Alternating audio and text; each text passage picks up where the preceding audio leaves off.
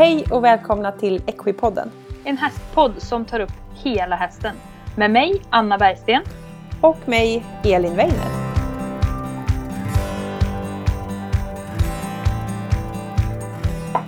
Hej och välkomna till veckans avsnitt av Equipodden.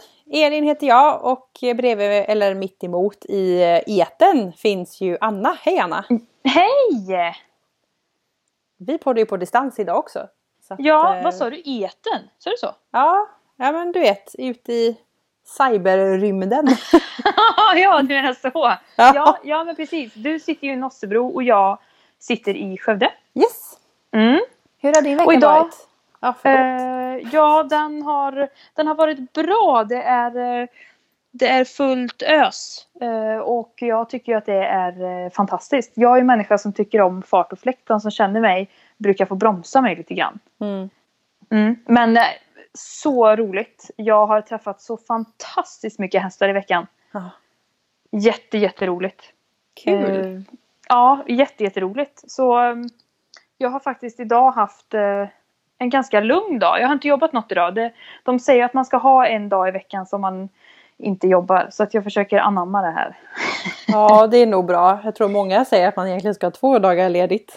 Ja. Egentligen. Ja, jag jobbar ju så mycket oregelbundna tider och eftersom mina kunder kanske inte kan alla vardagar så jobbar jag ju helger också. För mm. att då, då kan jag vara ledig på veckorna eller sådär. Precis, och så gör jag, jag också. Ja, hur har din vecka varit? Har det varit bra? Det har varit bra. Jag mm. jobbar på. Det är också eh, mycket jobb och mycket häst och håller på med, alltså, ta, håller på med tömmar just nu som jag ska köpa in och prata med folk som beställer oh, och prata med leverantören och det ska fixas mm. logga på och det ska vara rätt längd och tjocklek och vikt och ja det, det är mycket att tänka på och det, men jag gillar det här med produktutveckling. Jag tycker det är superkul och jättespännande. Och ja, det är jätteroligt. Jag är jättenöjd med de här tömmarna. Så det har tagit en del av veckan faktiskt. Ja. Ehm, men eh, nu innan här, idag är det söndag, vi spelar ju in lite innan. Och eh, då har jag varit och tömkört sex hästar idag och det var jättetrevligt. Roliga hästar, bland annat en liten shettis, hon är så himla söt. Och den är, och den är världens dressyrprimadonna den här lilla shettisen. och så är hon lite rund och så har hon jättemycket päls nu då när det är vinter. Så, och så trippar hon på där och tar i som tusan och gör en jättefin skänkelvikning. alltså de här jättesmå benen, det, det är så fantastiskt gulligt. Det är otroligt roligt att träffa alla de här hästarna, olika typer av hästar. Vi träffar ju hästar mm. på olika sätt. Mm. Du och jag. Mm. Eh, men det är ju fantastiskt roligt alltså. Ja, verkligen. Det är superkul. Och idag då, då är det ju... Förra gången så hade vi ju hästens uppbyggnad. Då var det lite i mitt fat. Mm. Och nu är det ju faktiskt om tömkörning. Så det ligger ju i dina händer kan man ju säga. Ja. Idag, det är du som för det här. Yes. Idag är det mm. min röst ni kommer höra mest. Ja. Så får vi se hur det här blir. Men annars ska vi flika in med bra tankar och reflektioner och frågor. Jag ska göra mitt allra bästa. Ja, tömkörning. Ja, jag vet inte om alla riktigt vet vad tömkörning egentligen är. Men när folk frågar mig vad tömkörning är och folk som inte håller på med hästar så brukar jag säga Tänk dig häst och vagn och så tar du bort vagnen så går du bakom istället. det kan ja, precis. Man rider hästen från marken kan man säga nästan. Yes. Eller? Ja exakt. Det blir en ja. mental bild att man går och springer bakom. Mm. Men man kan göra allting som man kan uppifrån fast från mm. marken.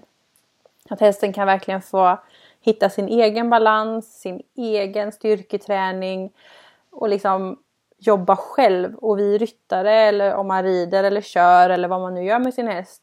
Men när man tömkör hästen får man verkligen se sin häst. Vad gör den egentligen? Vad händer? Att liksom lära sig koppla ihop en känsla med hur, hur det faktiskt ser ut. Och det är väldigt sällan man ser sin häst jobba korrekt.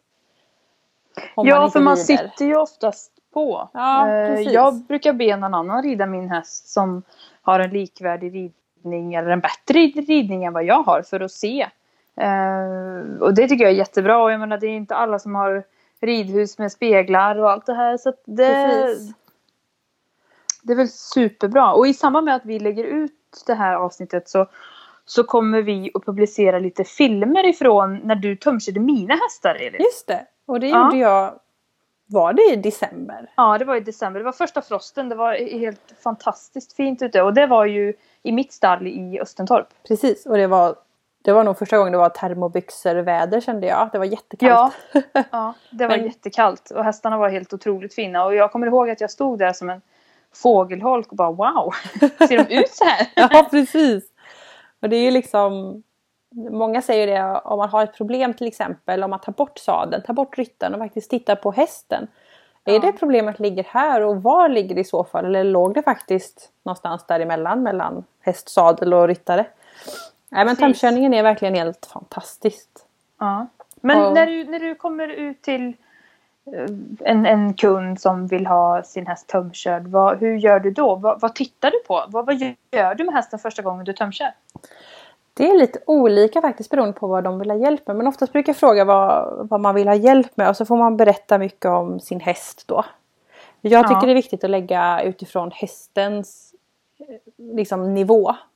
Mm. Har jag en häst som trivs i skogen och man rider lite dressyr då kan inte jag kräva massor av den. Eller har jag en ung häst som bara är kanske precis blivit tre då kan jag inte kräva att den ska göra massa saker. Och, och tvärtom. Har jag en häst som däremot kan grejer då kan jag faktiskt kräva mer.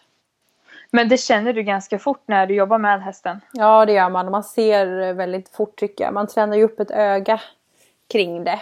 Eh, Ja. Vad man ser och hur det känns. Jag kanske inte har samma känsla riktigt i sätet i och med att jag inte rider så mycket längre som jag gjorde förr. Men eh, man tränar upp ett öga och en känsla i handen.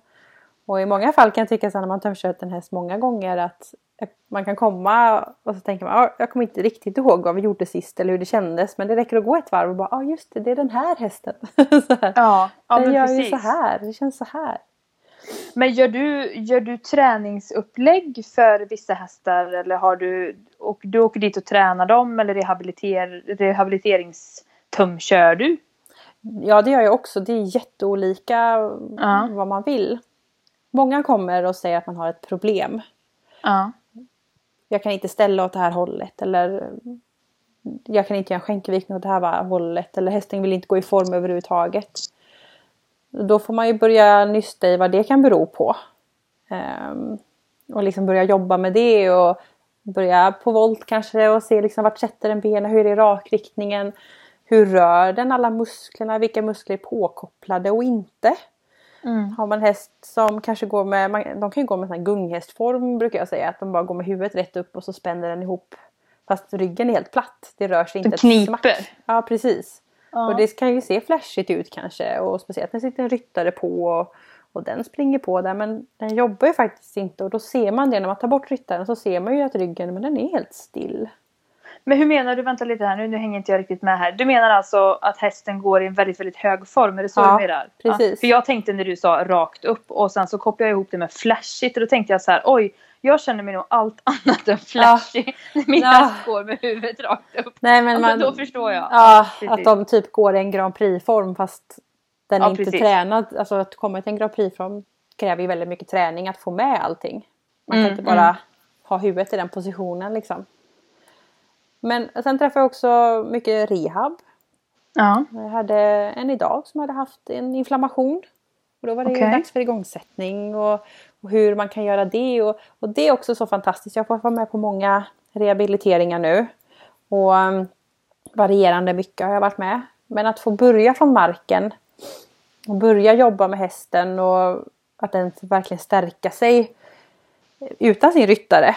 Man kan göra så mycket mer än vad man kan uppifrån när hästen är under rehab. Då har jag varit med om att hästarna efter en rehabilitering är starkare än de var innan de blev skadade fast man haft en skadeperiod. Bara för att man har tömkört mycket. Det tycker jag är Ja, för då häftigt. har man ju ingen, inget störningsmoment i, i, av häst och ryttare som vi har pratat om. Precis. Och jag har också varit med om att om man tömkör och har en skada på sin häst eller så.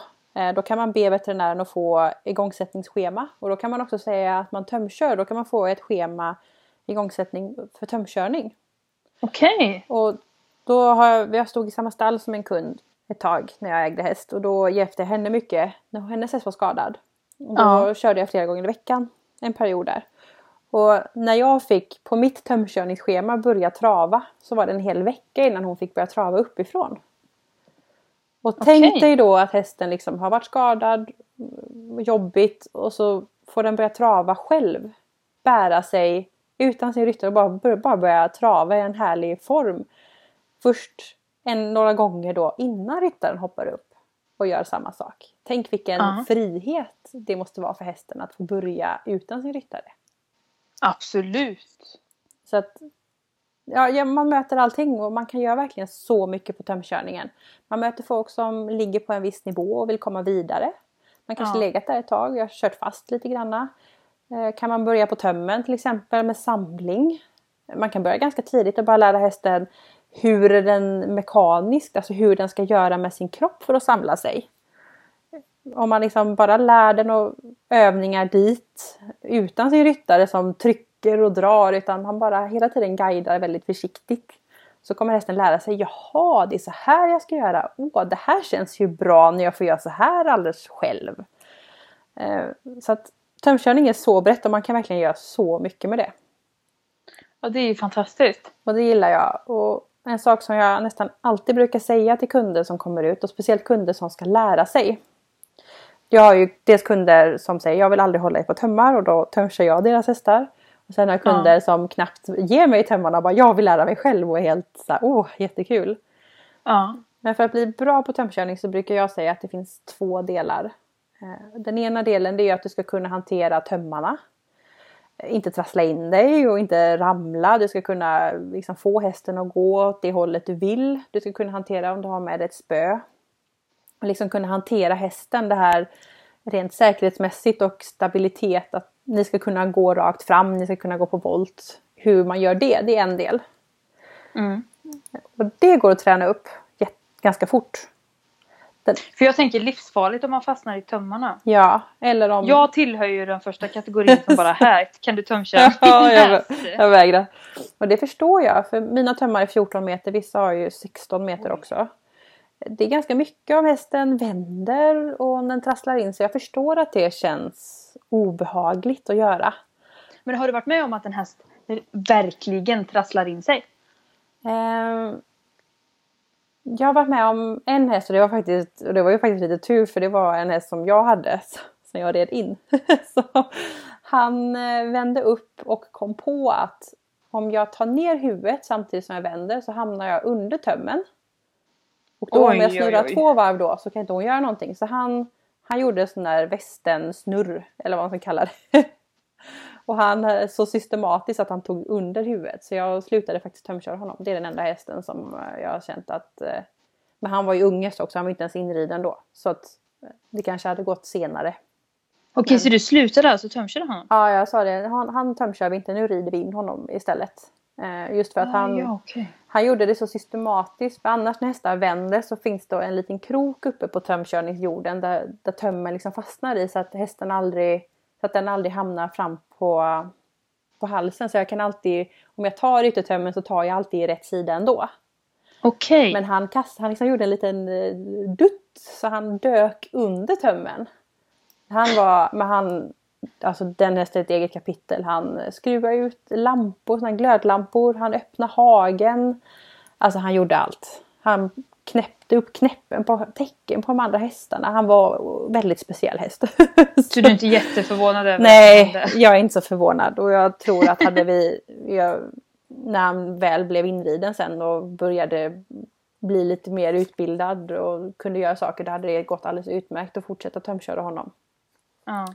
Det, men det var just där i en period så jag, nej, den körde, vi pausar. Men sen har vi varit med om att hästarna vänder då. Men det är ganska lätt. Är man snabb där och lär sig se det så kan man om, liksom styra bort det ganska enkelt. Ja precis, så att man är med ändå och parerar. Och precis. Det är ju som när man sitter, sitter på hästen att har man man får ha lite känsla för att okej okay, nu skulle det kunna barka iväg här. Precis. Man lär sig eh, det är se. klart att Ja och det är klart att det kan ju gå otroligt fort. Och vissa hästar så får man det utan förvarning. Mm. Och andra hästar får man det med förvarning. Och ja, mm. det måste ju vara samma sak på töm naturligtvis. Exakt. Ja. Och ibland så oftast gör de ju det för de kanske inte fattar. Och då kan de bara stå och titta på en och då är det antingen så reder man ut det på tömmen eller också går man fram och så bara hej lilla hästen nu börjar vi om och så kan man styra iväg hästen. Så det brukar gå bra. Ja. Men det är ju den ena delen då. Där är det också viktigt att man till exempel inte har liksom, tömmarna virade runt händerna. Så man skulle kunna släppa om det skulle hända något. Mm, mm. Eh, och att man kanske har bra skor. Eh, så att man inte fastnar eller att man inte gör... Om man har mycket töm i handen så gör man en ögla då. Som man håller mer här i handen. Att inte den öglan är för stor så man råkar trampa in i tömmen och sådana saker. Det är liksom del ett i tömkörningen. Ja. Del två om man ska bli bra. Det är att du ska faktiskt se hästen. Att lära dig att se vad betyder, hur ser det ut när hästen går i form. Vil, vilka muskler ska jag se? Hur ska huvudet vara? Hur ska bakbenen vinkla sig? Hur ska ryggen röra sig? Om jag ska göra en öppna, hur ska en öppna faktiskt se ut? Ja. Hur ska ställningen vara? Frambenen ska tvära lite grann, bakbenen ska vara raka. Hur ska magen se ut? Alltså det är mycket sådana detaljer. Ska jag göra samlingen? Ja men hur ser samlingen egentligen ut på hästen? Vad kräver jag av hästen när jag samlar hästen? Inte bara säga att ja, men den ska trava på stället till exempel. Det är inte det det handlar om utan det handlar om att den ska liksom ta i och den ska vinkla bäckenet bakåt. Den ska höja sin rygg och näsan ska ju inte dimpa ner. Liksom, den ska ha lång hals och upp. Och, ja, Man ska mycket. helt enkelt liksom lära sig att se vad är korrekt och vad är, vad är inte korrekt. Precis. Ja. Och skapa sig en bild över hur vill jag att min häst ska gå i form. Och sen så får man jobba dit sen. Och jag hade en kund där vi jobbade med öppna då och den är lite slirig i bakbenen. Hon är väldigt snabb på att flytta mm. sina bakben. Och, och vi kämpar där och, och jag jobbar med. Åh, lite där och lite där och lite där. Och plötsligt hon bara Åh, nu! Det var som att hon bara Jag har två bakben i mina händer nu. Precis, för när man säger så här att un, under ridning Mm. När man säger så här att um, Rid hästen fram till handen. Mm. I början så fattade jag ingenting när någon sa så. Ja, just det. Vad, vad menar du? Men, men det är ju precis det som du beskriver nu att okej okay, nu har jag ett par bakben i mina händer. Nu kan jag styra hästens ja. fullständiga kropp med min kropp. Precis. Så det är ju liksom jätteviktigt att veta hur saker och ting ska se ut. Och sen är det klart vägen dit är svår.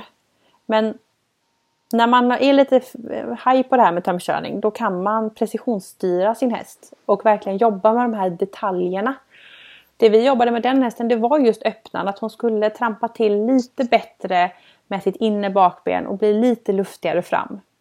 Ja. Då handlar det om millimeter hur hästen sätter sina ben och blir stark där.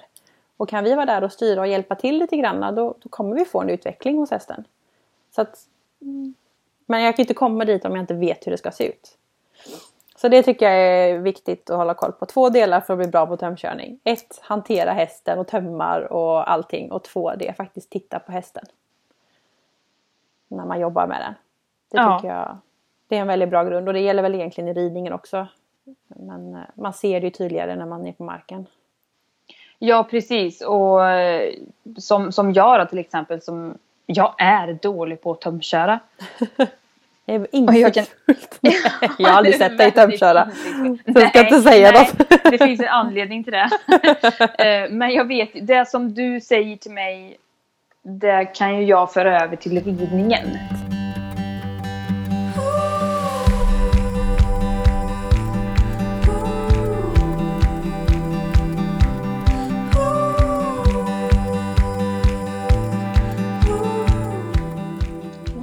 Så då, kan vi prata, då har vi pratat lite om grunden i tömkörningen. Så då tänkte mm. jag att vi kunde prata lite mer om vilken utrustning man behöver ha.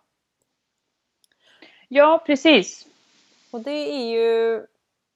Det finns ju en uppsjö av utrustning såklart. Och det kan kosta allt ifrån några hundralappar till ganska många tusenlappar. Och jag, jag förstår verkligen att om man kanske inte kan tömköra eller man planerar att tömköra någon gång i veckan som bäst, kanske någon gång i månaden i vissa fall, då är det inte jättekul att lägga ut många tusen lappar. Nej, för alltså jag har sett en tömkörningsjord, den kostar säkert 10 000. Ja. De kan verkligen göra det. Och helt ärligt så vet jag nog inte riktigt varför man skulle vilja betala riktigt så mycket. Det finns bra steg att ta att börja med. Här är, här är ju såklart, här tycker man väldigt olika och det får man verkligen göra. Jag är ganska mm. prestigelös i, i mitt sätt att ha hästar och, och jobba med hästar. Så jag tycker att ska du börja med tömkörning och du ska börja med någonting, då ska du satsa på ett par bra tömmar. Men vad är det för skillnad på bra tömmar och dåliga tömmar? Jag vet ju mm. vad det är för skillnad på bra sadel och dålig sadel. Men just med det här med tömmarna, hur, kan, hur är ett par dåliga tömmar? Jo, det absolut sämsta du kan köpa det är ju sådana här vävribbtömmar. Som är i någon typ av tyg. Har du sett ja. sådana? Typ longerlina Jag skäms. Har du varit och köpt det? Jag har ett par sådana. Fy dig Anna! Ja, Okej, det går att tänka i det också. Otroligt dåligt exempel. När jag sitter här och säger att kan du snälla beskriva ett par dåliga tummar? Ja, och så har jag ett par sådana. Men då, då vet du att de inte är jättebra nu då? Nej. Risken okay. med ett par sådana tömmar det är dels att de är oftast ganska stela. Ja, det är de. Eh, så de är ganska svåra att hantera och är det svårt att hantera då blir det mäckigt för dig när du tömkör. Då tar det tid och då kan det bli jobbigt. Mm. Eh, en annan sak det är att de kan faktiskt ge såna brännskador i händerna. Eh, det är ju samma sak att du ska inte ha kanske häst vanlig grimma utan hästlädergrimma i transport och sånt. För ja, att precis. det kan, om hästen kastar sig och så. Och kastar den sig och du inte har handskar på dig så kan de riva upp dina händer ganska bra. Ja. Så det är ju det är en sak. Jag skrattar absolut inte åt när man river upp sina händer. Jag bara, jag bara kände att eh, det var inte så bra. så jag rekommenderar ja. att man har ett par lädertömmar. Och okay. lädertömmar, då rekommenderar jag att man, de är på något sätt att man kan dela dem. Hur menar du dela? Jo, då är de i två delar. Så mina då, de är 14 meter totalt. Så det betyder att det är två stycken tömmarstycken som är 7 meter vardera. Och okay. de sätts ihop i något som kallas eh, svirvel tror jag det kallas. Jag kommer inte riktigt ihåg. Vad sa du? Vad sa du? Virvel eller svirvel och det är en sån här metallgrej som man kan snurra på. Jag ska lägga upp en bild på det här så ni fattar. Ja gör det för jag fattar faktiskt inte.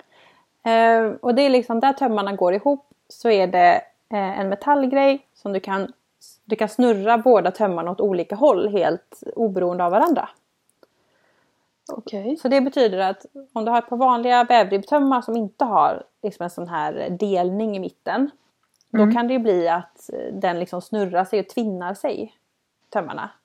Mm. Eh, och då blir du inte av med de här tvinngrejerna och då blir det väldigt trassligt. Men på ett par lädertömmar när du har en sån delning i mitten som kan snurra 180 grader 360 grader, ett helt varv.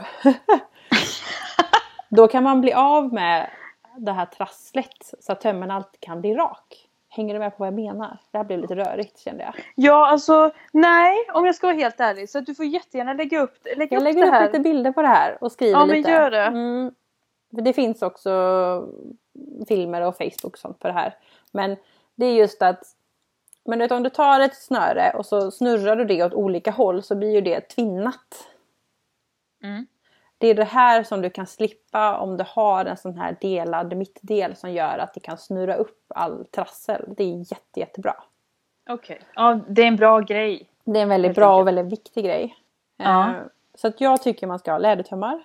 Eh, mm. Det som vävribb inte så bra men lädertömmarna då bra. Eh, sen finns det ju en uppsjö av olika lädertömmar också. Jag tycker att man ska titta efter att ha en sån här delning i mitten som kan snurra. Så mm. att man inte blir, så att det inte blir trassligt. Den här snurrgrejen det är också en svag, det gör ju att just där är det faktiskt lite svagare. Så om hästen skulle komma lös och fastna någonstans så kommer den gå sönder där också. Ja men det, det är ju faktiskt väldigt bra. Jämfört med ett par vävtömmar som inte kommer gå sönder. Så ja. det är också en fördel. Ja. Ja det är ju jättebra. Alltså mm. säkerheten Precis. är ju lika viktig i ridningen som den är i tömkörning. Yes. Sen är det klart att tömmar det kan vara väldigt olika. De kan vara... Det finns ju olika längd till att börja med. 14 meter tycker jag är bra men där... Vissa vill ha längre och vissa vill ha kortare. Mm. Det brukar ju, standard brukar vara 8, 12, 14, 16. Men, men alltså på... 16 meter töm det är ju väldigt mycket. Det är mycket. Men det är klart. Vill du... Man skulle kunna säga att det är 16 meter tygel. Ja precis. Men vill du stå på volt och bara vill stå i mitten när hästen ska springa runt dig och du inte vill röra på dig då behöver man ha 16. Men när du ska, ska gå rakt fram så blir det väldigt mycket töm i handen. Mm. Så då tycker jag ju, jag gillar ju att ha mina 14 meter för då kan jag ha lagom när jag går bakom hästen rakt fram. Jag jobbar jättemycket på rakspår. Och när jag går på volt då så blir det liksom Jag får väl gå med lite då så att det blir en stor volt men det, det är hellre det än att det blir för mycket i handen liksom. Så det är en smaksak. Ja. Så om man har möjlighet att testa olika längder eller fråga någon i stallet så, så gör det. Men annars tycker jag att 14 meter är bra. Sen så kan lädertömmar då, de kan vara olika breda och olika tjocka också. Okej. Okay. Och det där kommer sig lite från att de som kör med sina hästar, alltså ett par körtömmar, de är ganska tjocka. Och jag kommer inte ihåg riktigt standardmåttet, är det ett standardmått? Jag kommer inte ihåg det nu, det skulle jag kollat upp. Men du, det tänkte jag på för att jag åkte ju tandemsulke här för två veckor ja, sedan. just det. Och det var ganska tjocka tummar. Ja, de är tjocka. Och de är tunga, ja. är de. Ja, det är de. Och det förstår jag när du sitter i vagn. Då vill du ha tyngden i det. Så att ja. tyngden ligger, det blir en tygelvikt i hästens mun utan att du behöver ta i hästen. Ja. Men när du ska springa bakom och bära allting själv, då blir det för tungt. Och det blir också väldigt mycket i handen så jag gillar inte det. Så ska, man ska titta på ett par tömkörningstömmar om du ska tömköra och inte ett par körtömmar om du ska tömköra. Hänger du med? det är viktigt att skilja och ta den skillnaden liksom. Ja, för ett par mm. tömkörningstömmar de är mycket tunnare. Mina är mm. bara 3 millimeter. Det vet mm. jag andra märken har också. Eh, och så är de lite bredare för att få en bra anläggningsyta i handen. Ja. Mina är 1,7 centimeter breda. Eh, och det är Ja, det är bra. Inte för tjocka tömmar. Det är också så här, desto tjockare de blir desto stelare blir de också. Det finns ju väldigt billiga lädertömmar på vissa ridsportsaffärer som är väldigt billiga men de, de är stela och det är klart att det kanske man kan börja med också. Men ja. satsa på ett par bra lädertömmar tycker jag. Och, och, jag tänker på det här med stelt läder nu. Det här har ju absolut inte med det här att göra. Men om man skulle ha ett, köpt ett par stela lädertömmar. Mm. Eller man kanske har ett par uh, tömkörningstömmar som är gamla. Mm. Då kan man ju faktiskt lägga dem i paraffinolja. Precis. Om man vill att de ska bli mjuka. För det har det vi ju i stallet i och med att vi när vi pratar om koliken här. att alla ska ha paraffinolja. ja, ja men precis. Jag har ju lagt alla mina trends i paraffinolja till exempel. Ja. Och jag menar det går ju att göra med tummar också. Det är ju, ja, det är ju jättebra. Ja. Man kan, jag brukar tycka det här också det här är en högst personlig egen, eller liksom, vad heter det, analys jag har gjort när jag har tömkört och det har regnat. Ja. Och så har de fått torka och sen att jag har oljat in, då blir de mjuka och fina också. så, okay, kan... så häng ut era tummar i regnet och sen så fixar ni till dem. Och sen jobbar ni med det. Kan man göra så. Ja. Mm. Mm. Så det är det då. Sen så mm. behöver man ju ha en tömkörningsjord. Eh, och där finns det också en uppsjö av jordar. Och ska du börja så tycker jag att satsa på ett par bra tömmar. De ligger dryga tusen, mellan tusen och två tusen får du på bra tömmar. Och det är mycket pengar men det är värt. Med tömkörningsjord då kan man ju börja med en billig syntetjord för det går faktiskt jättebra. Ja. Jag har ju en jord som är i läder som jag tycker är bra och det finns ju sådana som har så kallad bågdäckel. Alltså att det är liksom en båge, det är liksom två delar på jorden och så är det en båge emellan. Okay. Eller också finns det sådana som är hela då. Jag har en som är hel över. Jag har, jag har funderat på att införskaffa en sån här bågdäckel men jag får se. Mm. Eh, och det handlar lite om mankens frihet. Eh, Okej. Okay. Men den jorden jag har den är liksom hel då, den är ganska uppbyggd så att den kommer upp ganska bra. Sen trycker jag inte på manken så mycket ändå. Även Nej. hästar som har höga manke. Men mm. bågdäcken är ju just för att göra det ännu mer frihet över manken. Så. Eh, det som är bra, det som är viktigt att titta på när man köper en jord är att det finns många ringar. För att det, man vill ha många ringar beroende på vilken tömsättning man använder och det finns mängder med tömsättningar. Men har man många ringar så har man möjlighet att sätta tömmarna på många olika sätt beroende på vad du vill träna just nu eller vad du behöver göra just nu för att hjälpa din häst. Ja, precis. Och då tycker jag att det är bra att i alla fall de två översta står upp. Så att de inte ligger ner. För då blir det, om de ligger ner så kan det bli väldigt stor friktion ja. med tömmen och då kan det bli seg kontakt till hästen. Men om tömmen står eller om ringen står upp så blir det, glider det lättare. Och då är det lättare att ha en mjuk och ärlig kontakt till hästens mun mer än det är massa friktion bara som gör att inte hästen svarar så drar man bara mer. ja precis, det blir en dragkamp istället. Exakt. Mm. Men har du vill du börja med tömkörning då och köpa ett par bra tömmar för över 1000 kronor så kan det vara tungt att köpa en tömkörningsjord för de kan ju ligga liksom på 3000 när de ligger i läder. Då börjar det bli tungt tycker jag, eller dyrt. Och då kan man börja med en sån här syntetjord faktiskt. Ja. Det finns också på hästsportaffärer för ja, några hundralappar i alla fall. De har många ringar och de ligger helt okej. Okay. Det som kan vara med dem är att de är ganska platta över manken så att det skulle kunna trycka lite på manken.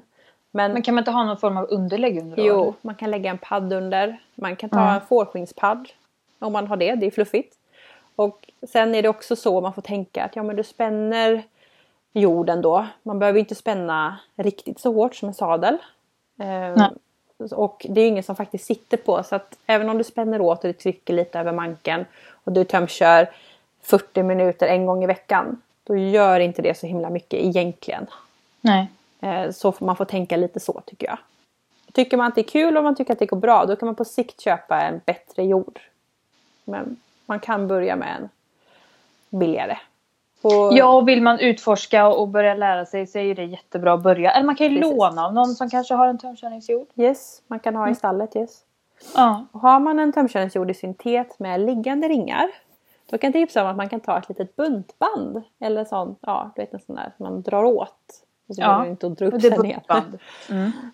eh, och då kan man liksom ställa ringen upp och sen så kan man klämma det här buntbandet eh, liksom längst ner nära, nära jorden så kommer ringen att stå upp sen. Ah, det är, det är bra. Ja. ja. För ibland kanske man har en gammal jord som har legat i 30 år och så. Men använd den då. ja men absolut. Så det är väl utrustningen på hästen. Sen brukar jag tycka att det är skönt att ha skydd på för de kan få lite mer frihetskänslor än vad man får när man rider. Så de kan skutta mm. lite mer, då är det skönt att ha skydd på. Eh, på dig som kör ska du definitivt ha handskar. Du ska absolut ha hjälm. Eh, jag har kunder som tömkör i säkerhetsväst.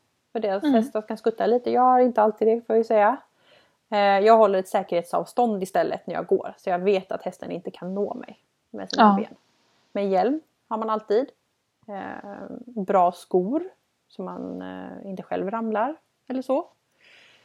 Sen är det bra att träna in på sikt att man kan hantera ett spö också. För spö handlar inte bara om att få hästen springa fort utan spö handlar det som säkerhet. Att få hästen, om hästen börjar vända, kan man mota hästen åt rätt håll.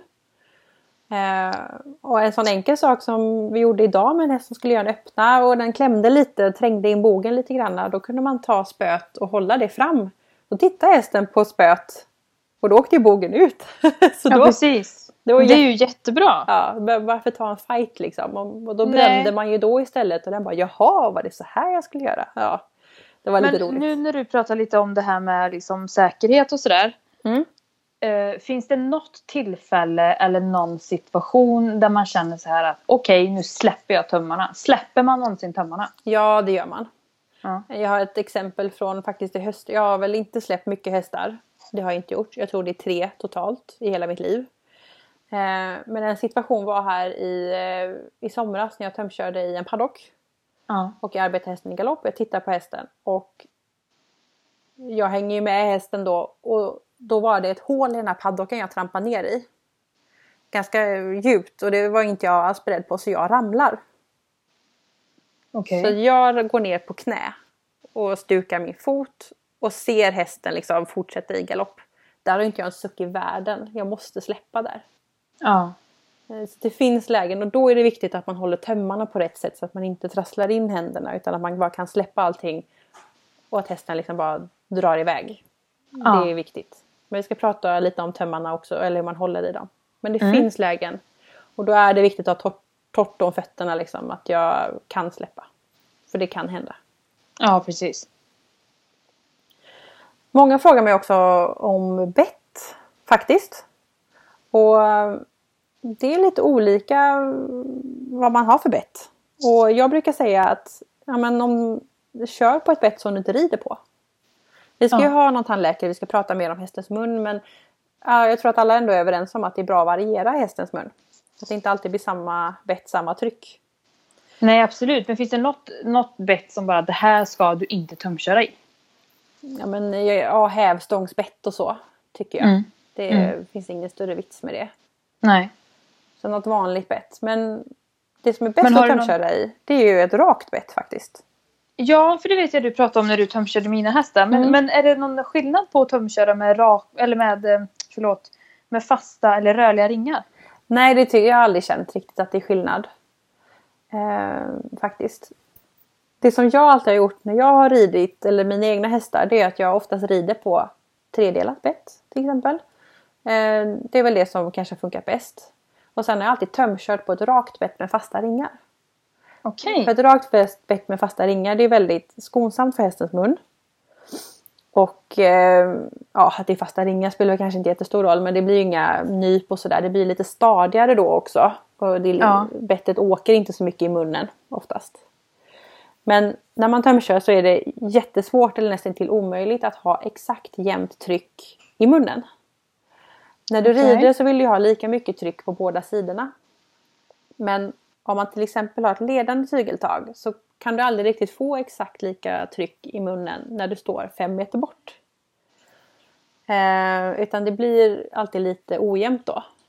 Uh. Och eh, då är det bra att ha ett rakt bett för att ett rakt bett fördelar ju trycket bättre än ett ledat bett i hästens mun. Okej. Okay. För ett ledat bett då är det liksom, det blir tryck på ena sidan och sen så blir det liksom inte tryck eh, på andra i och med att mittdelen liksom tar bort det. Men ett rakt bett det blir, det fördelar trycket bättre jämnt ja. i hästens mun. Så det, det, är min rekommendation. Och rider du på ett tredjedelat bett så men då är det jättebra. Då tömkör du en gång i veckan på ett rakt bett. Jättebra för tänderna, skönare, bra för hästen, det fördelar trycket.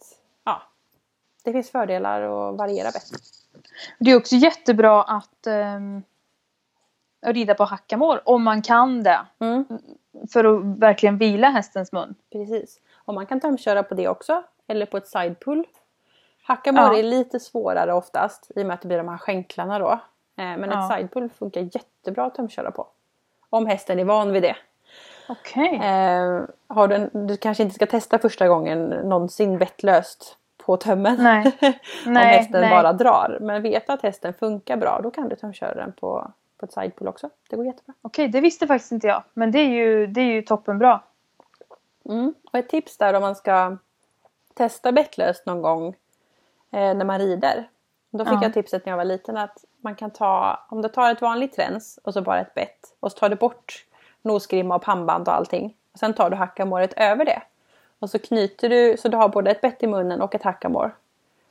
Och sen så bara man knyter upp tyglarna som går till bettet och så rider du på hackamåret. För skulle hästen bara totaldra så kan man ta ja. tag i bettet och få en nödbroms. Jaha, så att alltså man har fortfarande sidostycken och bett men du har hackamåret som en nosgrimma och så flyttar du bara över tyglarna till hacket? Nej, du har två tyglar på. Aha. Så att du sätter liksom tyglarna med bara bettet eller tränset med bettet på och sen ett träns till då med hackamåret. Okej, okay, men det är ju ett väldigt bra tips. Ja, för då kan man rida med så hänger tyglarna till bettet bara på, på nacken på hästen. Och så Precis. om den drar så kan han liksom ta tag i bettet. så man kan säga att man har en handbroms? Precis, det kan vara ja. ett parentestips. Ja. Ja, jag tror det var liksom det med utrustningen. Så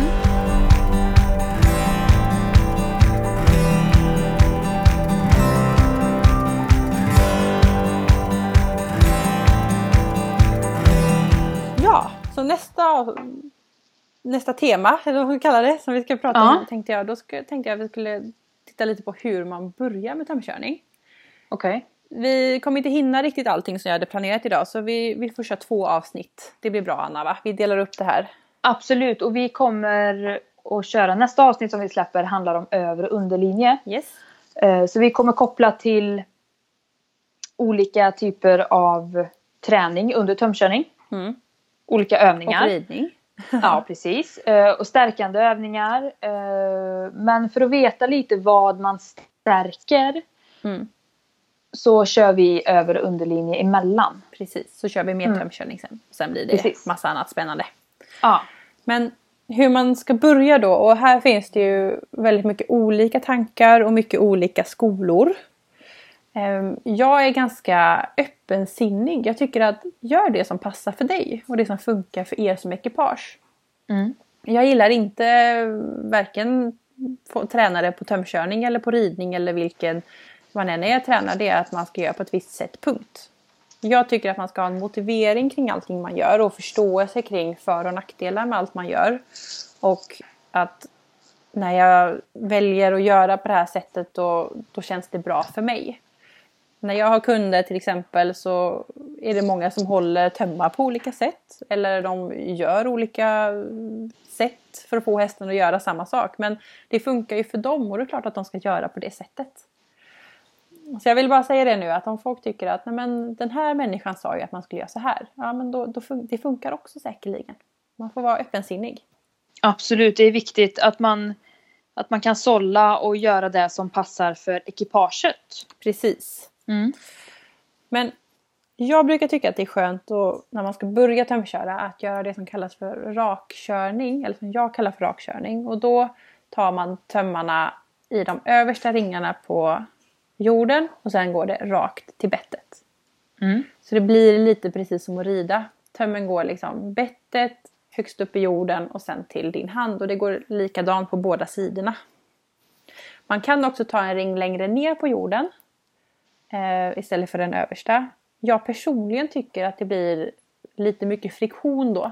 Så att det kan bli lite segare kontakt. Jag tycker att det är skönt att ha högst upp för då har jag en eh, så lite friktion som möjligt och jag får eh, bra respons på väldigt små hjälper. För alla mina hjälper går fram. Ja, precis. Ehm, så jag tycker man ska börja så. Mm. Och bara lära sig att hålla tömmarna. Det är svårt. Ehm, jag håller till exempel tömmen som när jag rider. Och, alltså, alltså i handen menar i du handen, nu? Liksom. Ja. Liksom. Så att den löper mellan tumme och ringfinger och lillfinger? Precis. Jag, bör, jag, fick, jag fick börja sitta och fundera på, jag fick ta sladden på mina lurar här nu och så blev det så här, hmm, Anna hur håller du i tyglarna? Precis, att man, man håller som när man rider. Att, ja, och tummen på. Ja. ja men man behöver fundera nu för man gör det eh, bara av farten. Precis. Och kommer man mm. från körningen om man är kusk från början eller har träffat någon som är kusk så brukar de ju hålla tvärtom. Eh, utan tömmen går liksom över handen och sen ner mellan lillfingret. Vi tar ju ja. den upp i handen och de tar ner den. Och det funkar också bra. Sen tycker jag om att ha det som... Ja, det blir ju alltid mer töm i handen än vad... Ja, man har alltid extra töm i handen i och med att tömmarna är ganska långa. Och då gäller det att man inte gör sådana där öglor som kan trassla in sig.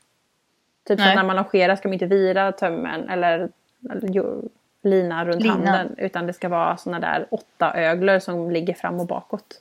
Det är viktigt, ja, även på tömmen. Ja. Så att hit, sätt på tömmarna, sätt på utrustningen, hitta dig själv. Jag brukar säga gå som när du rider. Ihop med skulderbladen. Nu sitter jag, jag sitter i sängen och poddar som vanligt här för jag fryser så mycket. Nu sitter jag och sträcker på mig här så ni ser det. Man, Djupa andetag, andas ner i magen. Hänger du med Hanna? jag är med, jag är med. liksom, ihop med skulderbladen, ner med axlarna. Böj armbågarna, händerna framför dig. Där har du din grundposition, precis som du hade suttit på hästen. Jag gillar att ha böjda armar när jag rider. Eller när jag tömkör. För att när jag mm. rider har jag ju det. Och jag tycker att jag är väldigt flexibel där och blir liksom väldigt följsam med mina händer. Mm. Vissa vill ha ganska raka händer när de tömkör, alltså typ rakt ner.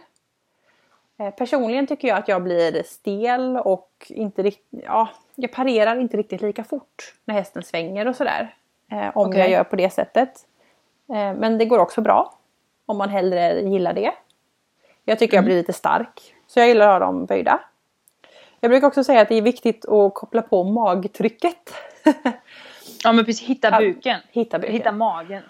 Och det handlar ju om att man liksom inte ska gå svanka för då kan man ju faktiskt få ont i sin ländrygg. Men också att mm. om hästen skulle plötsligt göra ett skutt framåt. Om du är lite spänd i magen då, då kan du ta emot det bättre. Om du inte är det utan bara går och, jag vet inte, söndagsslappar bakom din häst när du tömkör då, och den drar iväg, då kan du ju ramla framåt. Precis. Så att eh, ut med bröstet, se lite snygg och stolt ut. Nu tusan jag är ute och tömkör med min världens bästa häst här. Vi är så himla bra. Mm. Spänner magen och så går man. Så, så tömkör man. ja men det är ju jättebra för att få man måste ju ha en känsla i kroppen också. Det är inte Mm. bara att, Bara att ut och sätta gå. igång. Nej precis. Och sen när man ska börja springa och grejer då är det också viktigt.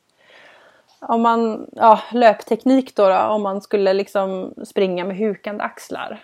Luta sig framåt. Då minskar eh, lungstorleken ganska mycket. Du får inte ner lika mycket luft i lungorna och då orkar du helt enkelt inte. Nej. Men om du däremot bröstar ut, bröstar ut dig ihop med skulderbladen ner med axlarna. Hittar den här powerpositionen. Då kan du andas med hela din kapacitet i dina lungor och få mycket mer. Då orkar du så mycket mer. Tro mig. Den positionen, det är den du ska ha. Ja. Och så sätter du då tömmarna rakt och sen så börjar man gå. Och ibland kan det vara skönt att ha någon som leder hästen runt i början. Så att man bara Ja. kan hänga med. Och då gäller det att hitta sin position då.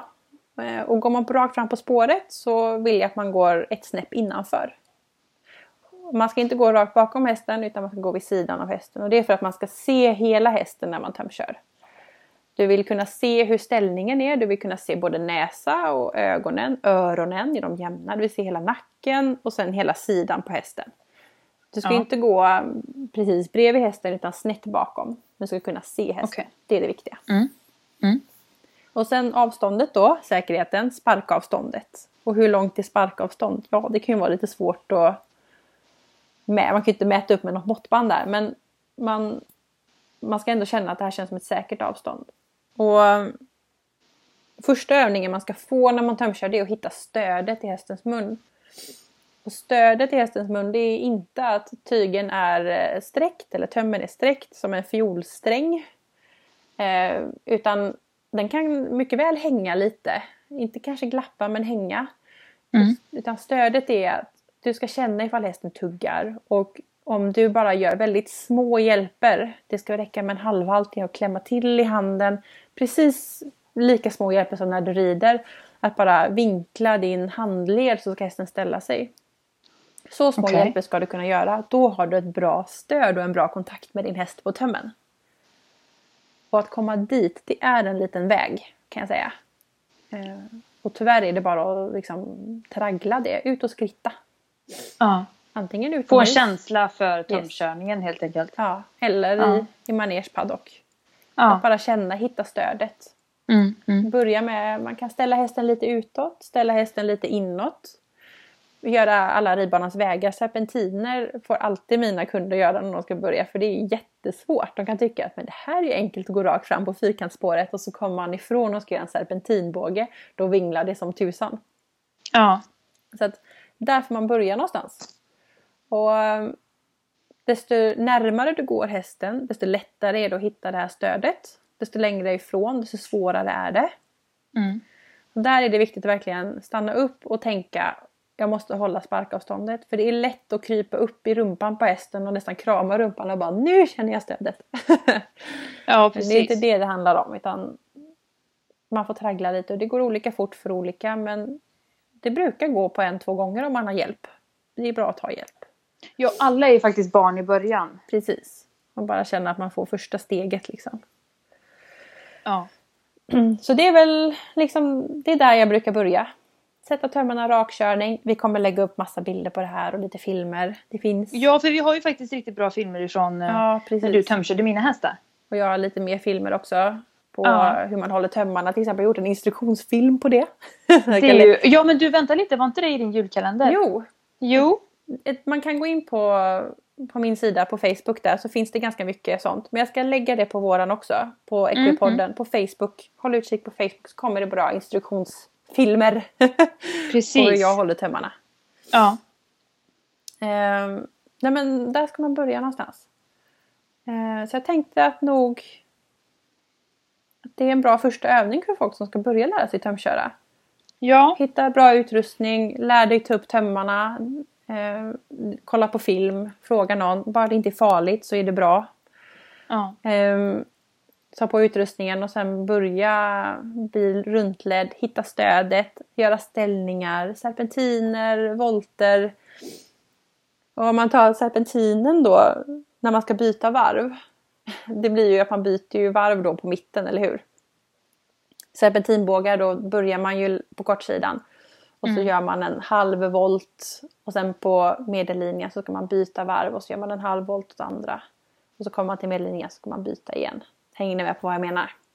Ja men jag tror det. Jag gör det i alla fall. Jag hoppas att de andra också gör det. Annars så får ni höra av er om inte ni Ja. förstår. Så får vi göra någon form av instruktionsfilm på det också. För jag tror på engelska heter det half moon.